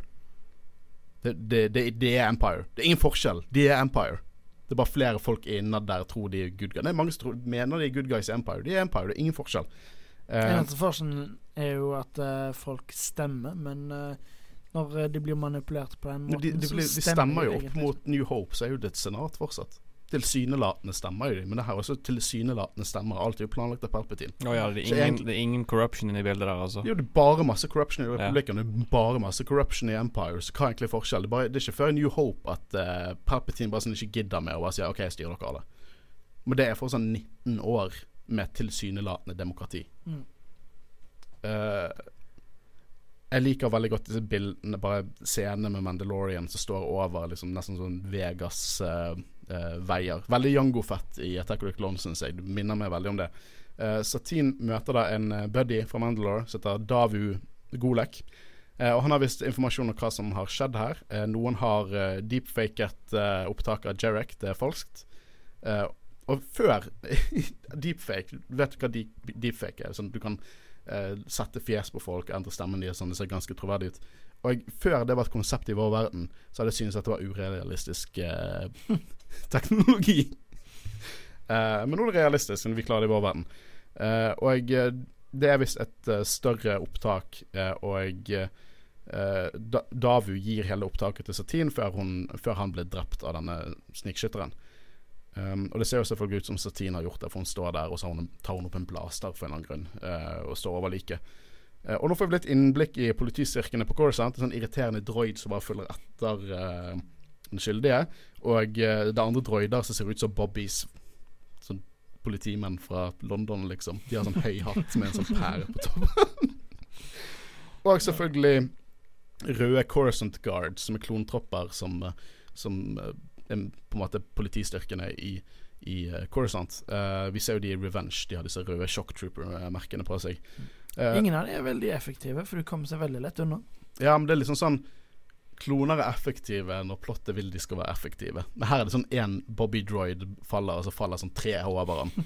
Uh, det blir jakt på Satin, da, og uh, Deathwatch med Pre Weasler de venter med styrkene sine, for de er klare til å invadere uh, Mandalore som er separatisten sånn any moment now.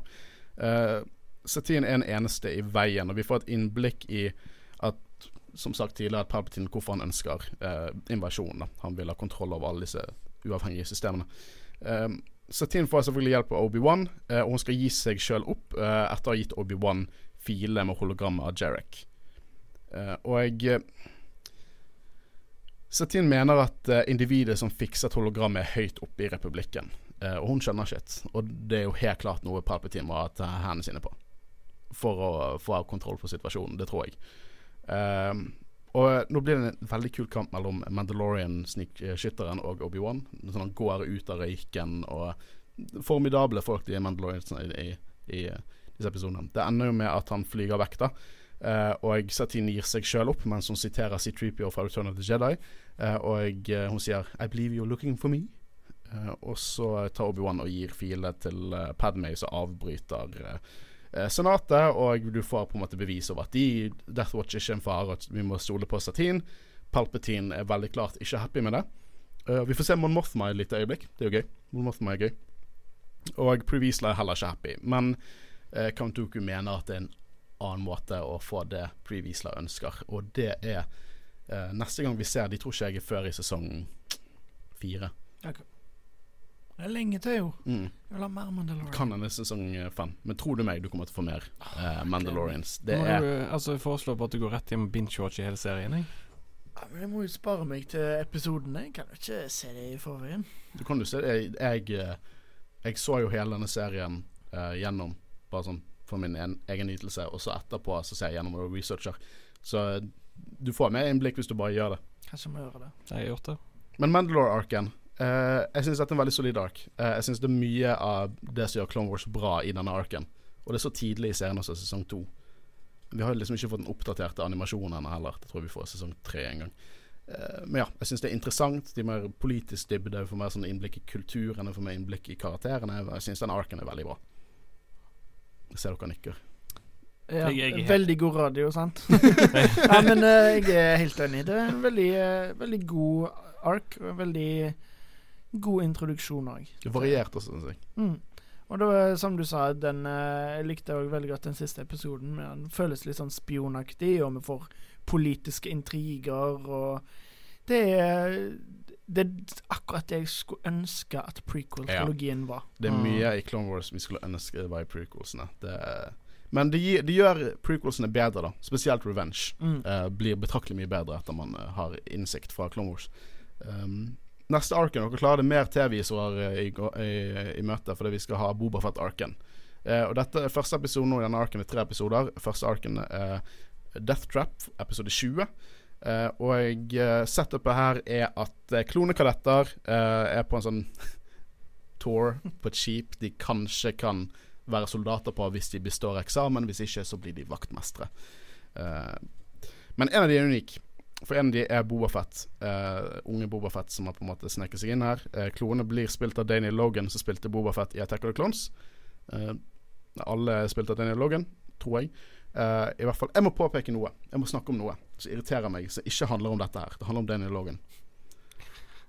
Og eh, det har vært diskusjoner hvis Bobafett skulle komme tilbake i, i live action. Så er det, det er på en måte to veier, da. Er de fleste, eller mange vil at Tomorrow Morrison, han som spilte i Jango Fett, skal bli skal være uh, Bobafett. Han har hatt stemmen til Bobafett som Battlefront og mange av, av de andre Cannon-materialene som ikke er filmene. Og så er det noen som vil at Danny Logan fra Attack of the Clones skal være Bobafett. Men problemet her er at Danny Logan han er, han er, han, han er i 30-årene nå. Gammel han kunne spilt uh, Bobafett. Han har vært eh, nest, han er litt for ung til å være riktig alder til Bobafett, men han kunne spilt Bobafett, liksom en voksen mann. Problemet er at stemmen hans har ikke endret seg siden 2008. Ikke noe imot fyren, men jeg vil ikke ha den stemmen i den hjelmen. Og så begynner argumentet på at Tomorrow Morrison er for gammel til å spille, uh, spille uh, Boba Fett. Men Tomorrow Morrison trenger ikke å være i drakten. Du vet at Hvis du ser en person i de filmene med en hjelm, så er det aldri live action-opptak av stemmen deres. Det er alltid gjort i et studio etterpå. Mm. Jeg har mest lyst til Tamara Morrison, Fordi Mm. det er jo på en måte han som er stemmene til de voksne klonene. Eller det er i hvert fall den som Dee Bradley Baker etterligner, da. For Nei. det er han som har stemmen. Men ja, for det, jeg syns det gir mye mer mening, og det er ikke noe argument på Og Danny Long kunne vært i drakten. Han måtte uansett spilt inn stemmene sine i et studio etterpå, så det er et mute point. Det, liksom, det, var, ikke, det var ikke James Earl Jones i Vader-drakten. Han har aldri vært i en Vader-drakt. Og med, med Anakin Nei, med Hayden Christensen Han var i Vader-drakten i Revenge, men det var stemmen til Joshua Jones. Liksom, dubbing er en ting i Star Wars, og når du har Du spiller inn filmer med hjelmer som dekker fjeset deres, så er det Så er det på en måte spilt inn i et studio etterpå. Det må man liksom eh, Ikke noe spoilers fra Mandalorian, men det er tre forskjellige spill skuespillere som har vært i Mandalorian, inkludert to stuntmenn. Det er ikke noe problem, det. Sånn er det, liksom. Du kan ikke forvente at skuespilleren skal være i drakten hele tiden, for det er ikke sånn det fungerer. Nei, altså, jeg er enig. Få, få inn veteranen. Ja, få inn veteranen. Jeg er helt enig. Uh, jeg vil også påpeke musikken her. Det er jo spilt inn uh, spesielt for denne episoden. Så den har en litt sånn dyster, trist melodi. Vi får vite litt sånn hvor Bobafett kommer fra. da Han har en hard barndom. Det, det er mye traumatiske ting som skjer med han. Uh, og det hele opplegget her er at han vil hevne drapet på faren, eh, Jango Fett, eh, som Mace Windu gjorde på Geonosis. Og jeg eh, Jeg, jeg syns han er ukarakteristisk sympatisk i denne arken. For Boba Fett har vært gjennom ting før med Jango Fett. Jango Fett var ikke en var, var ikke en far som på en måte Hei, skal vi spise litt popkorn eller pizza og se en film? Han var, eh, var Ta med denne liksom under ti år gamle sønnen min på et dritfarlig oppdrag. Han her drept de dusørjegerne. Bobafett har allerede drept minst to folk innen nå. Eh, men jeg har på en måte fått det til å fungere i denne arken, for han er mer sånn nesten uskyldig barn som på en måte ikke vet hva han skal gjøre. Her. Jeg tror det er problematisk for han med at det er så mange kloner. Ja. Tenk så jævlig, da. Han er i denne galaksen der det er en krig der hele hæren, 99 av ene siden sin hær, er bare faret, eh, fjeset til din far. Det, det må være traumatiserende for han. Anakin og Mace Windu er jo der, eh, og jeg eh, Først på en måte Mye om og men, men det første jeg har lyst til å snakke om, er denne skytescenen. Eh, for det er på en måte en klone som har en sånn tørrhet, og så skal disse klonekadettene prøve seg. da Og Boba Fett nailer det. Så han har på dette tidspunktet som sagt blitt trent ekstra mye opp av Jango Fett. Og det vises. Han er en formidabel unge, liksom. Denne arken prøver kanskje litt å understreke at Ba- Boba Fett er flink. Mm. Det, det er ikke det liksom Han var litt uheldig med Sarda-kapitten, men han, han kommer fra han, er, han har skills, liksom. Men før vi går dypere, liksom, fikk dere Føler dere at dere fikk mer forståelse for Boba Fett-karakteren? Ja og nei. Eh, jeg føler på en måte litt sånn som du sa, at eh, Sånn som den var i Attack of the Clones, og sånn som den er i denne episoden, er ganske forskjellig. Og dette er jo etter Attack of the Clones, Mm. så det er jo litt rart òg at han på en måte har gått tilbake. Fordi hvis Boba Fett i originaltrilogien hadde vært liksom mye mildere og sånn, så hadde jeg kjønt, uh, kjøpt det. Men jeg syns det er litt rart at det går litt bølger, at han er så aktiv, og så ned igjen. Ja. Liksom, Og jeg, jeg, Det er det jeg sier. For det, er liksom Bobafett i nye canon er en forbanna psykopat. Når han skal lete etter eh, Luke og Obi-Wan mellom episode 4 og 5 Han skal finne ut hvor Obi-Wan kom fra, og, og Luke og sånn. Mellom episode 4 og 5 så går han til den klassiske kantinaen, og så sier han 'Jeg kommer til å torturere alle dere før jeg får, eh, helt til jeg får vite navnet'. Og det gjør han. Han er gal. Bobafett er gal. Han er forbanna mest opp i hodet. Og jeg, eh, jeg Forklaringen om hvorfor han på en måte er så menneskelig i disse episodene, føler jeg må at, det, at faren hans sin død, og på en måte at han ser fjeset hans hele tiden, må på en måte påvirke han. mm, Og kanskje begynne å tvile på der han kommer fra, det var riktig. Det, de, de går mye inn på, på karakteren, men det er som sagt litt opp og ned, sånn som du sier. Um, Bofat setter jo en felle for Mace Windu med hjelp av Aura Singh over Comlake. Eh, litt om Aura Singh. Hun var jo som sagt med i Vi har snakket om før. Hun har vært med i Phantom Menace. Hun står under podrace-scenen, så eh, var hun der. Eh, og canon-forklaringen på hvorfor hun var der, var at hun tilsynelatende skal ha eh, jukset på vegne av Jabba med å ta ut en av podene. Eh, I hvert fall Hun er en veldig etablert eh, dusørjeger i Legends og Cannon, og hun er en sånn kult karakter. Folk er veldig fan av, av, av hun. Hun er en Paliduvan fra Narshada. Narshada er jo en ganske kjent eh, planet. Dere har sikkert hørt navnet Narshada før. Uh, er, hun er i hvert fall mentoren til Boba Fett her, da. Uh, Mace og Anakin uh, skjønner jo fort at en infil eh, infiltrør på Infiltrør? Ja. Infiltrør Mhm. om bord. Fordi at den er fæl til uh, Så Boba Fett satte Mace. Den dreper ikke Mace, men dreper en stakkars klone. Jeg liker at du ser bort på meg for å høre om du har uh, sagt Men det du riktig. pleier, å, du pleier å ta så mye feil på uttalen, men samtidig, samtidig så klarer du, du Du på en måte holder eh, meg i nakken når det gjelder mine uttalelser. Skjønner du? Spektisere. Spankulere.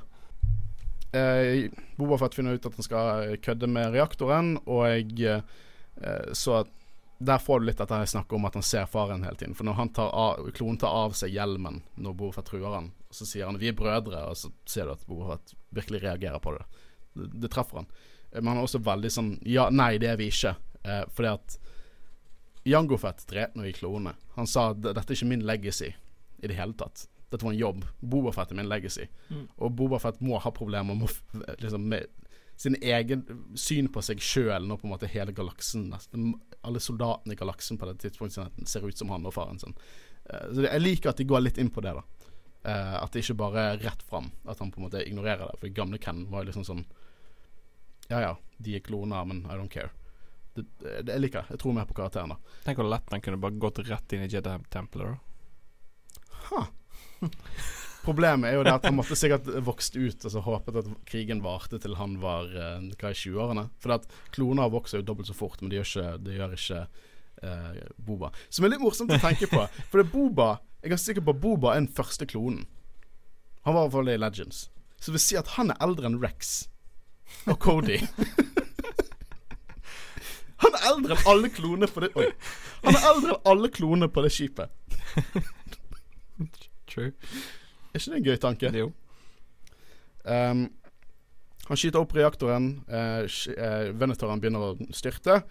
uh, og eh, jeg liker hvordan eh, han admiral Killian prøver å eh, berolige kadettene. Uh, skotsk admiral eh, på det skipet. Han sier sånn her eh, Ja, skal vi gjøre en treningsting der? Kom dere til pondene, så kan jeg gi dere tiden hvor fort dere gjør. Og så snur han seg til, til de andre og bare sånn Vi er fucket. Eh, kadettene går i pontene mens skipet går ned, og eh, Killian og Commander Pons uh, går ned med skipet. Og Pons har vi sett før. Pons er uh, en av de kommandørene under Attack of the Clones. Det er han som har litt sånn gul rustning på seg og sier til Mace Windu We have five uh, special commando units waiting for your command. Det er Commander Pons. Ah. Mm. Jeg vet, jeg vet ikke om denne episoden ble laget med at Å, det skal være dypt at det er samme fyr, eller det bare ble sagt etterpå, men i Cannon så er det samme person. Jeg brydde meg ikke at han døde før du sa det. brydde meg vel fortsatt egentlig ikke. Men Uh, denne med i hvert fall Boba saboterer escape-poden til kadettene. Uh, Slave One dukker opp. Jeg elsker Slave One. Slave One jeg tror det er en av de kuleste skipene i Star Wars, og lyden og alt. Og den dukker opp, uh, og um, Aura Singh og Bosk er der. Og vi kjenner jo Bosk, vår favoritt uh, Trandoshan Bounty Hunter. De jobber med Boba, og de stikker av. Og Mace og Anakin redder resten av klonene. og så på en måte disse små klonekadettene sånn han der fyren med sleik er så jævlig irriterende. Han, han er liksom bedreviter. Han er liksom han i klassen som Eller hun i klassen som på en måte er lærerens pet, som bare gjør alt riktig og på en måte kjefter på andre og vetlevoksne og sånne ting. Uh, og jeg, uh, jeg blir så irritert over at sånn uh, De sier sånn If he's like us, he'll realize he's wrong. Feil når det gjelder hva? Det er sånn Hvis du Hvis du hadde slått til Håvard og sa du tar feil du har feil. Nei, ikke gjør det. jeg bare Jeg vet ikke. No, den, jeg bare, det, det er nitpick. Jeg bare Jeg syns det var så sykt teit. Og var, da gikk vi litt tilbake igjen til det der uh, Håvard klagde på sånn Hva har vi lært i dag? Hva er leksen i denne episoden? Ja, det, jeg syns det er litt mye sånn fortsatt, men, men jeg klarer å overse det. Ja. Husk, det, dette er jo ikke den beste arken, men vi må ta det vi kan når vi uh, får noen Bobafett-greier. Uh, ikke superfan av denne episoden småting, konsepter jeg liker. Jeg synes at det er alltid interessant å få vite litt mer om Bobafett. Men det er Jeg syns ikke det er liksom, Etter vi kommer fra Mandalore-arken, så er ikke dette liksom det beste. Nei. Vi har betraktelig mye mindre å si på dette. Også. Så du går litt ned, men det er fortsatt litt interessant? Det er fortsatt interessant, ja. Det er ikke sånn som den ene episoden forrige gang, som er bare count, Nei, Grievous er bad. Nå skal vi være bad og ta det mm. ut, og så gå ikke ut av det. Sånn, jeg, jeg, sa i én setning Jeg har ingenting å si om denne episoden. Det bare fører til en bedre episode. Det er ikke der. Her er det et konsept der jeg liker. For det, mm. jeg trenger ikke å synes at Clone Wars-episode er bare mesterverket av TV, men ofte går det inn på konsepter og ting som gjør at det fordyper universet litt. Og det syns jeg denne episoden gjør, selv om den ikke er den beste. Jeg liker litt denne her, eh, episoden her. Den som vi kommer til nå, ja. er min favoritt ut av alle du har sett. altså, alle vi har sett? Nei, av, av den uh, av, de, av, de, vi ser i denne episoden. Ja. R2D2. Åh, oh, Det er så gøy at han får på en måte en egen episode. Ja, for dette er en Lassie-episode. Ja. Der R2D2 er Lassie. Og Anakin altså, og Mace Windu er stuck i en brønn, liksom. Ja, for du snakker veldig mye om uh, humor. Hva som passer, hva som ikke passer. Og denne her har så mye god humor. Jeg syns ikke humor i denne. så bra. Kjempeteite sånne boink-lyder, men det er god humor. uh, jeg holdt på å dø av latter Nei, vi kommer dit, men uh, jeg holdt på å dø av latter når han kjørte rett ned trappene. ja, det, det, er mye bra. Jeg, ja, men jeg lo høyt av denne episoden. Ja. Det, er så like, det er ikke like bra som den der uh, Where's there's a farm? There's usually a farmer. Ja. Men det var en god episode. Uh, dette er jo episode 21, R2 Come Home. Uh, og det er jo omhandler jo at Anakin og Mace sjekker ut uh, krasjet til Venetoren og søker etter Killian og kom, kommand kommandoen som var på broen og gikk ned. Og det er en R2-episode. og vi får se Gundarks. Store folkene med ørene. Det er Gundarks. Hører, de blir først nevnt i Empire Strikes Back. Der nei, Han Solo sier til Luke at uh, du ser sterk ut til å rive av ørene på en Gundark. Dette er en Gundark. De monstrene? Ja. Var det det du forestilte deg? Nei, ikke i det hele tatt. Uh, og så går de inn i skipet, og de har med seg to droider, R2D2 og uh, R8. Ja. og jeg syns Anakin er weird uh, hvordan han, uh, han, er med drøyene sine. Han tar på skuldrene sine de og sier sånn Jeg vet at det er vanskelig, men gjør deres beste. Jeg, jeg syns det var ganske morsomt, fordi uh, Mace Windu sier He's got a lot of personality. Um, but only because you let them. Betyr det at drøydene egentlig ikke er sentient, med mindre at eierne liksom gjør de sentient? At det går an å programmere droider til å være bare slaver? Jeg vet ikke. Jeg vet ikke. For hvis de er sendt Bare mer spørsmål hver eneste gang. Ja, men, sendt igjen droid liksom Star Wars vet ikke det engang. Du kan like gjerne bare komme med en sånn uh, fakta om hva det Force er, og hva du kan gjøre og ikke kan gjøre. Det er samme, samme med droids er sendt inn eller ikke. Jeg ville sagt at til en viss grad Kanskje programmeringen I don't know. Uh, men i hvert fall eh, Det er ganske brutalt når R8 blir drept av Gundarksene. Veldig brutalt. Og dette er en ganske barnevennlig episode, men de river av hodene. Sånn som så, så, så de to T-rexene i Lost World når de spiser Eddie som prøver å redde dem med den bussen som faller ned. Det er bare to gundogs som bare løfter en Har du ikke sett Jurassic Park 2? Jo, jeg har det. Jeg skulle bare se Jeg skulle bare tenkt jeg skulle ta en sånn What? Spoiler warning. Å ja, faen. Unnskyld. Nei, filmen kom ut i 1997. Det går fint. Uh, og her får vi en litt kul uh, sekvens. For Mace og, og Anakin går opp til broen, så finner Jango Fett sin hjelm. Og da begynner Mace å sette alt sammen. Som jeg synes er interessant. For det, det er veldig ofte jeg tenker Ikke bare Clone Wars, men andre ting. Sånn, Hvorfor skjønner jeg ingenting? Det er bare sånn Ja, logisk. Logisk tankegang bak Mace Windu. Han skjønner OK, sabotøren må være klonen. Kanskje det er Boba Fett her, Jango Fett sin igjen. Sant? Good? Mhm. Eneste gangen i canon at uh, Mace Windu ikke er en uh, idiot. Han skjønner faktisk ting. Han er bare arrogant drittsekk. Og du kommer til å hate han når vi er ferdig med den serien. Eh, jeg syns det er poetisk at uh, Boba, det siste Boba vil at vi skal se er hjelmen, eller så å si fjeset til sin far. For han har jo en, en bombe inni der. Uh, og en annen ting som dette bekrefter, antageligvis, hvis ikke Jango Fett hadde flere rustninger, er at eh, hjelmen til, eh, til Boba er ikke hjelmen til Jango. For mange antar at rustningen til Boba Fett bare han malte om rustningen til Jango. Eh, det får vi bekreftet her, ikke eh, saken, da. Så det er litt kult. Dusørjegerne, som er Boba Fett, Bosk, Orasing og en eh, Klatoinian som heter eh, Castus, eh, de holder admiraloffiserene som gissel, og eh, de skal få litt profitt ut av det, og så skal de inn i vraket for å bekrefte at eh, Windu er død. Og så er det litt sånn uenigheter der. Sånn. Castus er på en måte den feige lille bikkjen, og, og eh, han er han din sign on to this, og sånn, det er liksom går fram her. Orasing er jo litt sånn nådeløs mentor til Boba Fett. da. Liksom Opp til nå har det vært veldig sånn der 'Å, du er en svaking', og slår han og Ja, jeg tror ikke, jeg tror ikke Boba Fett har det veldig godt, for å si det sånn. Bomben går jo ut, selvfølgelig. Eh, og da er jo Mace Windu og Anakin stuck, og de kan ikke bruke The Force for å komme seg ut. Det forklarer de. Jeg liker at de forklarer det, for det er typisk sånn plot hole, quote unquote. dere. Hvorfor brukte ikke The Force? De, fordi at alt hadde falt sammen, da. Eh, så dette er som sagt en Lassie-episode, der Lassie, altså R2D2, må løpe hjem og eh, fortelle at Timmy Skywalker eh, sitter fast i brønnen. uh, Og før det så får vi en sånn Home Alone-opplegg der han uh, lager feller. Eh, det, han saboterer jo for redusérjegerne, og det er veldig mye sånn uh, slapstick-humor. At han sånn kaster dører på de og bokser.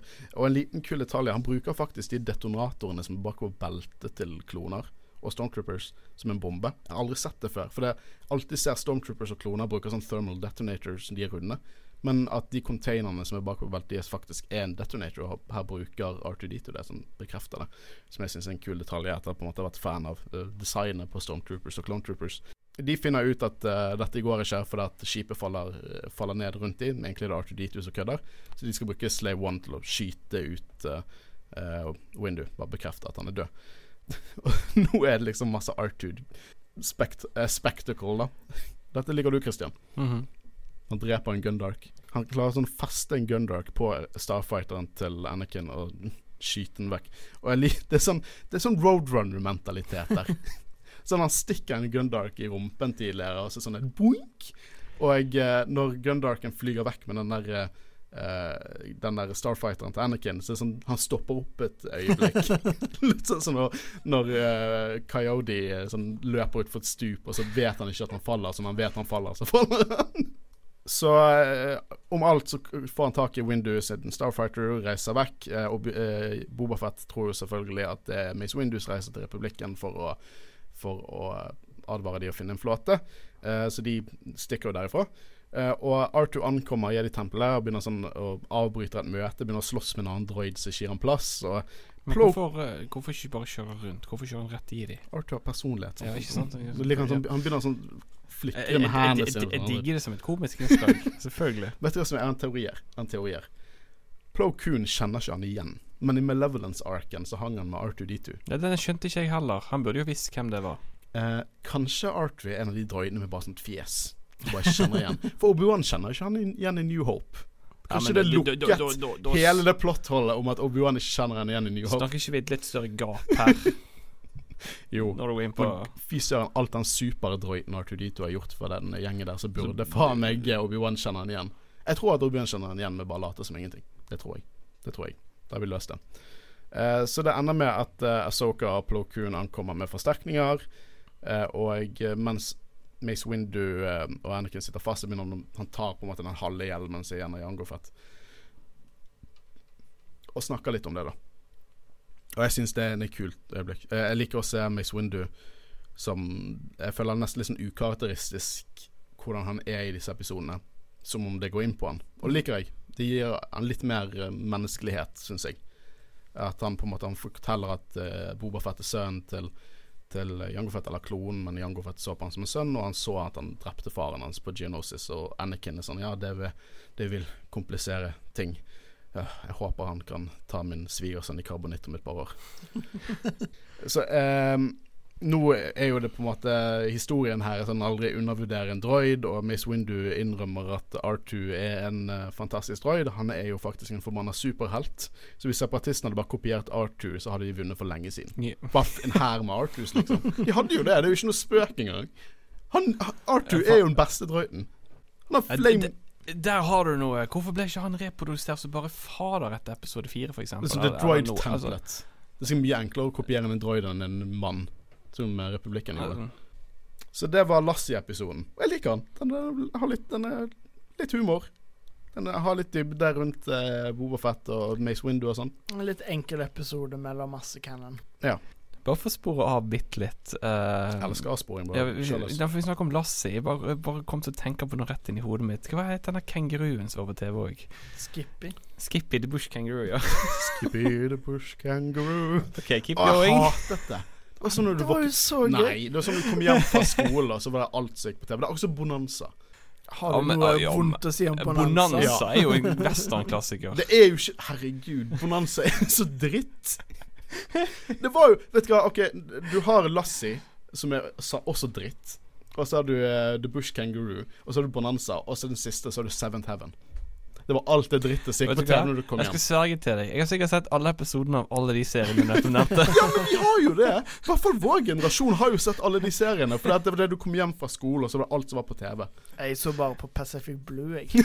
Å, den, den er fin. Den er ja. Den har jeg faktisk ikke sett, men vi hadde bare sånn to kanaler da jeg var liten. NRK og TV 2. Og så plutselig fikk vi TV Norge. You poor boy. Mm. Hver gang hos bestefar så kunne jeg se på Cartoon Network. I hvert fall tilbake til Wars.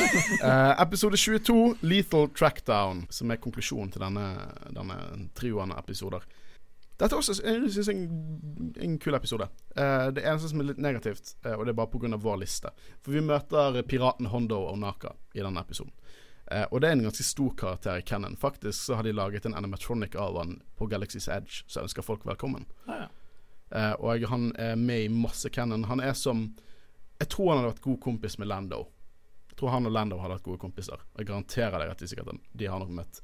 Eh, og eh, han er introdusert i teitere eller mindre viktige episoder. Så vi har ikke mye innblikk i karakteren hans basert på de episodene vi ser. Men han er, han er en pirat. han er veldig Han ser et, etter seg sjøl. Han er veldig han har et annet syn på livet. Nesten litt metakarakter som vet hvor galskap Alt som skjer rundt han Han vet han er liksom i Star Han, han vet at han er i syke uh, situasjoner som på en måte ikke burde være naturlig. Så jeg, jeg syns han er en veldig underholdende karakter. Han kommer tilbake i Rebels. Uh, han er Det som er canon til Galaxy's Edge, er at han tar vare på Millennium-folken som er der. Så uh, han er en stor karakter i canon, og jeg, jeg tror han kommer til å dukke opp i live action any day now. Det garanterer jeg. I hvert fall Admiral Killian prøver å overtale Boba om at han er en good guy. Eh, og Miss Mace Windu er som sagt ukarakteristisk rolig, og tror han, eh, jeg tror han har sympati for Boba, rett og slett. Eller i hvert fall har litt innblikk i seg sjøl. Kanskje han tviler litt på dette med Jedi-ting. Kan- Kanskje konsekvenser eh, bak eh, handlingene sine. Og Det er jo det noe Clone Wars går litt inn på. Dette med eh, følge jedi-koden. Eh, forrige uke gikk vi gjennom eh, noen episoder som går litt inn på Asoka sitt forhold med jedi-koden. At hun, hun gjør rett og slett noe. Um, hun, hun gambler på å redde masse liv Mm. ved, ved å ikke drepe en person. Og så går det fint, men hun begynner å tenke Burde jeg, burde jeg drept henne for å potensielt redde mange? Går ikke det imot jedi-ordren det jeg gjorde? Altså det er på en måte Det er konsekvenser bak, man, bak det man gjør, og det, alt er ikke svart og hvitt. Jeg liker når det går inn på det. Uh, som sagt, uh, Josh Lucas prøvde jo garantert å formidle at jediene mistet litt taket på ting i prequelsene, men i Clone Wars så går de virkelig understreker det. Det er jo det dette med greater good òg, holdt jeg på å si. Men uh, det er jo viktig å tenke på den delen som dør òg, og ikke bare den store mengden. Mm, absolutt. Um, Dusørjegerne tar kontakt med jediene og formidler at de har gisler uh, som de skal drepe. uh, og Boafett klarer ikke å drepe Pons, men Aura Singh dreper Pons. Og nå døde Pons, dessverre. Favorittkarakteren din. Har du Pøns? Pons. Ja, Pons, ok. Men her, her sånn Bobafett i annen Cannon hadde drept han uten å tenke på det. Til og med i den alderen. Men det må være det at han er en klone. At han ser ut som faren hans. Jeg nekter å tro at det er noe annet. Det er jo selvfølgelig fordi at dette er ulike verk eh, laget av forskjellige folk som ikke nødvendigvis har 100% kontroll Nei, kontakt med hvordan de lager det. Nei, men jeg, eh, jeg kjøper den teorien, egentlig. Altså. Det høres veldig eh, det, det kan ikke være lett å være en klone, men likevel ikke en del Mm. av klonene, på en måte. Han blir jo så forbanna når folk sier at Når folk sier 'Å, du er som oss, du er klone'. Dritforbanna. Um, så jeg tror det er noe der. Eh, De krever at Mace Windu skal komme og møte dem, men de sier ikke hvor de er, som jeg syns er litt sånn merkelig plan. Um, for det se, Ahsoka og Plo Koon går etter de og sier at Mace Windu ikke kan gå fordi at du vil bare gjøre eh, eh, guttungen forbanna. Eh, og så sier Soka skal ikke vi dra dit koordinatene sier, og så sier Plo Koon at eh, hvorfor skal vi dra til det ene stedet vi vet de ikke er. Plo Koon er klok, ass. Jeg liker Plo Koon. Jeg liker Plo Koon-episodene. Mm. Um, de drar i hvert fall for å fikse dette her, og eh, de skal dra ned til til, uh, til underverden på Coruscant for å finne på en måte kontakter til disse dusørjegerne. Det er så kjekt å se ting fra underverden på Coruscant. Og det gjør meg bare så utrolig løy. 1313. Ja. Ja. Hvorfor fikk vi aldri 1313? Det verste er at Clone Wars hinter til 1313 som en easter egg til spillet vi aldri fikk. Så det er sånn, de, de bare sånn strør litt salt i såret. 1313 er jo det Bobafett-spillet vi egentlig skulle fått før Disney tok over. De åpner så Mm. Men vet du hva, Mandalorians er så inn nå at du garantert får noe et eller annet. Vi kommer til å få et eller annet Mandalorian-spill. Garanterer det. 1414. 1414. Vi har en Red Dead Redemption-klone. Uh, Way of the Mandalorian eller noe sånt. Og du Mandalorian. Kjempegøy. Det kommer en prequel til The Mandalorian. Det kan være kjempebra. Eh, i hvert fall Det er uenigheter mellom uh, dusørjegerne. Castus er urolig, og, men Bosk er lojal, og Castus vil droppe ut fordi han vil ikke håndtere med jedier og republikken og alt dette. En liten kul detalj er at Boba har jo Jango Fett sine blastere som har. Han har ikke bare sånn rustningen hans, men han har to blastere som tilhørte Jango Fett. Mens eh, de drar til Florum, da, de dusørjegerne. Eh, og Plo Koon og Soka går inn i en bar. Keep going. Tell the rest of the joke. uh, ja, de går inn i en bar inne i Coruscant. Jeg liker Det ser mer ut som en strippeklubb sånn, egentlig. Ja, det er litt sånn alle steder i, i Clone Wars er veldig sketchy. Uh, hvert fall, jeg liker når de går inn i sånn checkpoint, så gir de en sånn egen force-dør. Og så snakker Plokkoen etterpå om de skal være så diskré, for det er Soka har lært så mye av Anakin og det å være, ikke være diskré. Men jeg hadde sett dem på mils avstand. Det er Jedier, liksom. Mm. Liksom Om jeg var blind på et øye, så Ja, der er to Jedier. Der går de, der går de, der går de. Det, det, det er ingenting diskré når en Jedi prøver å være diskré. Eh, nå eh, dukker jo de opp på Florum, eh, og vi får møte Honda Onaka, som jeg snakket litt om. Eh, Weekwayen Honda Onaka. Eh, det er mye seksuelle spøker om at han har vært i forhold med Aura Singh og sier til sånn Castus Å ja, du takler ikke under er andre som ikke takler hun heller. Det, og alle sier å, det er sjefen sin ekskjæreste. Eh, så det, det er mye sånn Det, det er barneshow, men samtidig så går de inn på seksuelle ting. Vi vet jo alt om det fra forrige episode. I mitt uhell i forrige episode så sa jeg Captain Sex istedenfor Captain Rex. Nei, du sa Captain Nei, du sa Captain Sex? Ja. Ja, Captain Sex. Jeg syns du sa sexy nå. Jeg. Nei, jeg syns ikke Captain Sexy. Det Han gir jo ikke mening. Han er litt sexy. Han er litt sexy, Men ja, den ja, sexy. Men ja, du sa Cap Captain Sex, og så sa jeg sex, og så sa du et eller annet. Rex, Rex, Rex, ja, Rex, ja, Rex. ja. Faen, nå kan jeg ikke redigere det ut. Jeg har allerede sagt det vi sa. De går inn i baren, og der det er noe sånn indisk-esk musikk som jeg syns var veldig sånn off-pudding. Jeg liker at det er veldig mye variasjon i eh, Star Wars-universet når det gjelder musikk, for det er Ingenting høres likt ut. Så Mm. det, det, jeg syns det er kult. Men er det, var det indisk musikk? Sang de på indisk, eller tror de bare funnet på noe som hørtes sånn litt sånn ut? Jeg kan ikke indisk, så jeg jeg. Hvorfor er dere her engang? Men jeg bare sier for det at eh, Det hadde ikke plaget meg hvis det var indisk, for det at i Jedi Fall Order så har jo de mongolsk halssang, så mongolsk er canon, mm. kinda. Hvorfor er jeg engelsk i Star Wars? Sant? Det kunne vært det. Hadde de? Ja da. I begynnelsen av Jedi Fall, Fall Order så hadde musikken der er faktisk fra et mongolsk band som kombinerer halssang med rock, som heter The Who. Som HU, ikke WHO, men HU. The Who. Um, så Plo Koon og Soka går inn der, og jeg virkelig digger Plo Koon. Han går bort til bartenderen som en sånn fyr med flere armer, så høres ut som han er fra New York. Sånn 'Nobody blow up my bar tonight'. Det var litt Jamaica, beklager. Uh, sånn 'Hey, I'm walking here'. det har du. Ja. Eh, og Plo Koon går opp dit og så bare sånn sier han 'Jeg skal ha informasjon, og du får ikke det her'. Og så bare tar han uh, lightsaberen sin og bare sånn slenger det på bordet. Sånn, Han truer ikke, men han hinter. Han er som en sånn samurai. En sånn ronin som bare går inn og bare vet Jeg tolker det er. mer som uh, at han liksom viste at han var en Jedi. Jeg vet det, men du sånn, det hinter. Ja, ja, men- Når er Jedi, vet du hva Jedi kan gjøre? Jeg tenkte mer sånn liksom Ja, men jeg er her for å For å gjøre noe godt, eller liksom Tror du sånt. bartenderen bryr seg om det? Nei, kanskje ikke. Men jeg går ut ifra det bare var et spill. Han hadde ikke gjort noe. Nei, det tror ikke jeg. Nei. Han er good guy. Han er Jedi, sant? Um, Ahsoka er sånn her, «Å, jeg må fokusere, jeg må bruke The Force, og så lukker hun øynene, og så hører hun. Det kalles å høre, og ikke bruke The Force. I hvert fall hun, eh, hun um, Tidligere, når de var i baren, så har han Kerstes gått bort til en sånn holoterminal og så kontaktet en buddy på Coruscant og så sagt at han har verdifull informasjon som har gjort at uh, Orasing bare drepte han der og der. Der og da. Og han personen som Kestis uh, kontaktet, han er på denne baren og forteller om Orasing og sånne ting. Uh, og eh, så finner de ut at Soka har hørt på, så hele baren egentlig trekker våpen og prøver å true de. Og så er det litt sånn kul scene med Asoka og Plo Koon, så begge trekker lightsaberne sine og bare sånn bring it on. Veldig kul scene og sekvens. Og der har, der har New York Alien sier sånn her Nobody shoot up my bar, get out of here. Get the fuck out of here! Eh, så de går ut, og eh, så sier Plo Koon bare sånn Du må lære å være mer diskré og tålmodig. Og sier han ja, men jeg fikset det. Og så vet du hva Plo Koon gjør da? Gir hun litt sånn ros. Sånn, så, du, du har vært flink. Veldig godt.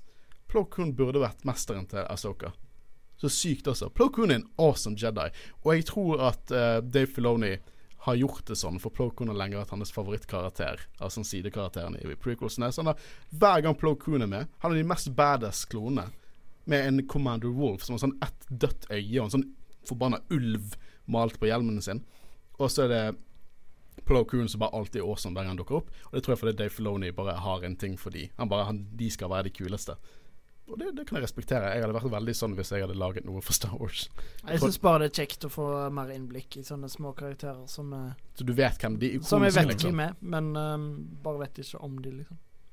Uh, videre på Florum så vil jo si, har Aura bedt uh, Hondo om hjelp, og han sier sånn 'Jeg kommer ikke til å hjelpe deg, men jeg kommer ikke til å hindre deg heller'. Dette er ikke min kamp. Og Hondo er en overlever. Han på en måte Han gjør det Eller han sier det han skal gjøre. Han sier det han vil. Det er på en måte ikke noe om og men der. Eh, han tar imot uh, Plo Koon og Soka, og så sier han sånn 'Ja, de venter på det der inne'. Og så sier Plo Koon 'Ja, men vi går vel inn i en felle'. Ja, det gjør dere nok. Bare vite at jeg ikke er involvert i dette. Og senere i episoden så tar en av mennene hans som skal blaste Asoka, og han bare sånn Nei, ikke gjør det.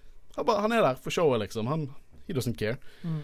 Og så blir det på en måte en sånn western-ting der inne, da. At Plo Koon kommer inn og setter seg ned med Orasing over bordet. Så tar Boba og, en blaster mot Plo Koon, og så kommer Asoka og holder en lightsaber mot uh, Orsing. Uh, og uh, imens har Bosk uh, gisselet borte med Slave One. Eh, og her blir det på en måte litt sånn om og men og hva de skal gjøre, da.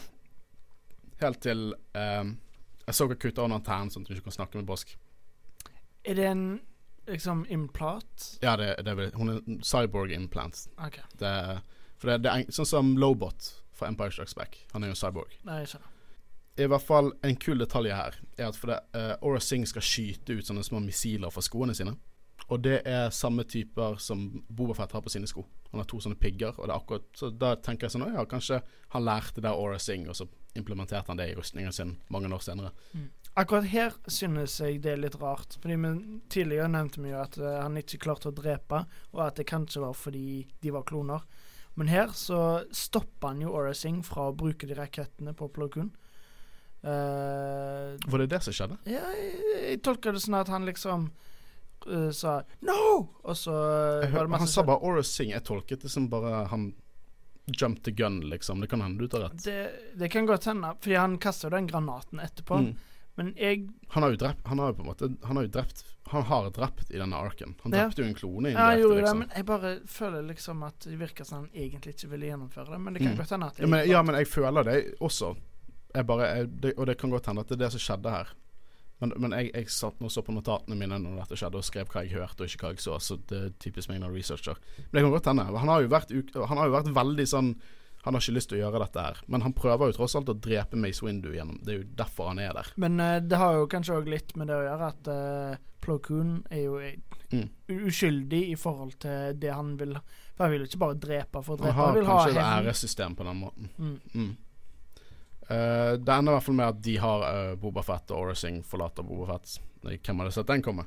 Uh, og Hondo begynner Her er noe som er, jeg syns er bullshit. For Hondo eh, Plo Koon sier sånn Hei, Hondo, kan du snakke litt sens inn i uh, Boba, sånn at han forteller hvor eh, gisselet er? Eh, og så skal, sier Hondo at Vet du hva, din far ville ønsket at du fortalte hvor disse gislene var. Han var, hadde ære. No, he wouldn't! Jango Fett hadde ikke brydd seg om det. Hva bullshit er det? Men i hvert fall, det, det manipulerer jo guttungen til å si det. Eh, og uh, Asoka følger etter Orsing i en speedo chase, men de går feil vei. Så uh, Plokon sier du må dra til disse koordinatene, og der tar de ut uh, eh, Bosk sammen med gisler. Så Bosk blir eh, arrestert. Uh, Orsing hopper jo i eh, Slave One på å fly vekk med den, men den ble styrtet av Asoka. Og det er her vi får på en måte forklaringen på hvorfor Slave One i Empire ser annerledes ut enn Slave One i Attack of the Clones. For den styrter på Florum. Hondo eh, fikser det, gir det en ny maling. Det er skipet til eh, Boba Så Slave One i Attack of the Clones, Slave One i Empire er samme Slave One, bare annen farger, rett og slett. Så når de kommer tilbake igjen til, eh, til Republikken med Bobafett og Bosk, så sier liksom Bobafett sånn der Å, jeg vet jeg gjorde mye feil, men du begynte. og hva gjør de? De setter han i uh, Coruscant fengsel. Max security. In population. Det er barn! Liksom, dette, dette av galaksen, liksom. Ja, på en måte republikken i galaksen. Og så skal de sette barn i et fengsel bare fullt av voksne, ekstreme kriminelle. Er et barn! Hvor gammel er han? Sånn tolv?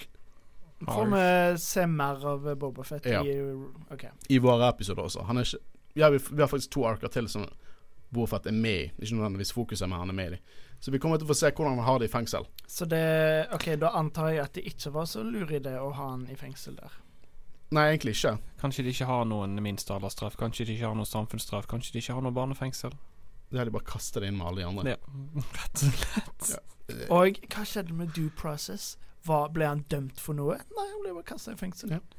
Hva skjedde med rettssak? Det er det jeg alltid har sagt. Dere, dere er jo dere er så Men nei, naive. men det- Dette er Empire. det er ingen forskjell. Nei, nei det, har jeg- det ikke sagt meg uenig på.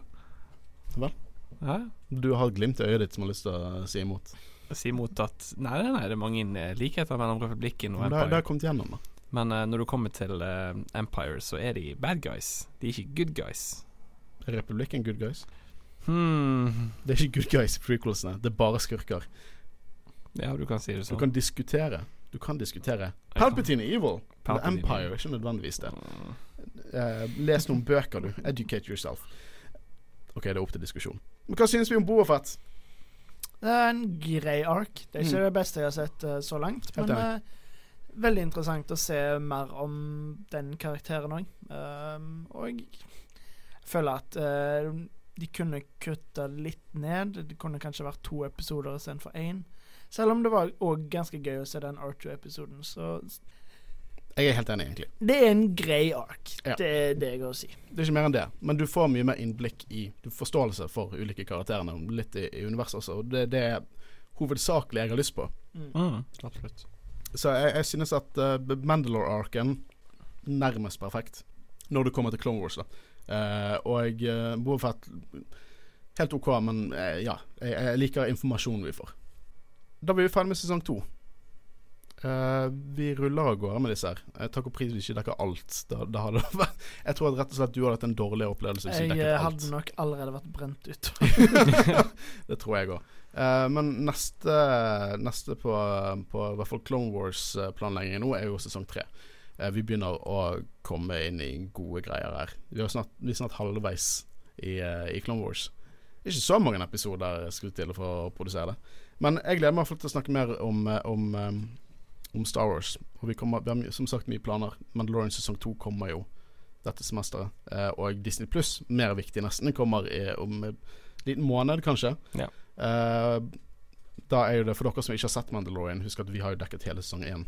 og de ligger på Spotify og iTunes, og de er tilgjengelige der. Jeg vil også bare si at følg oss på Instagram og Facebook hvis dere på en måte vil ha litt innsikt på behind the scenes og sånn. For eksempel hvis det det er mye vi har lyst til å formidle der, mye vi har lyst til å, å, å vise fra våre sosiale medier. Så gjerne følg oss der. Plutselig vi poster denne her eh, listen over uh, våre Clone Wars-episoder der. Så da kan på en måte dere se episodene samtidig som dere hører, eller før dere hører, forhåpentligvis. Uh, men ja, mitt navn er Håkon, og jeg sitter sammen med Håret. Og Kristian Aspen. Vi har vært Jedi-rådet, og vi snakkes neste uke. Ha det bra. Ha det bra.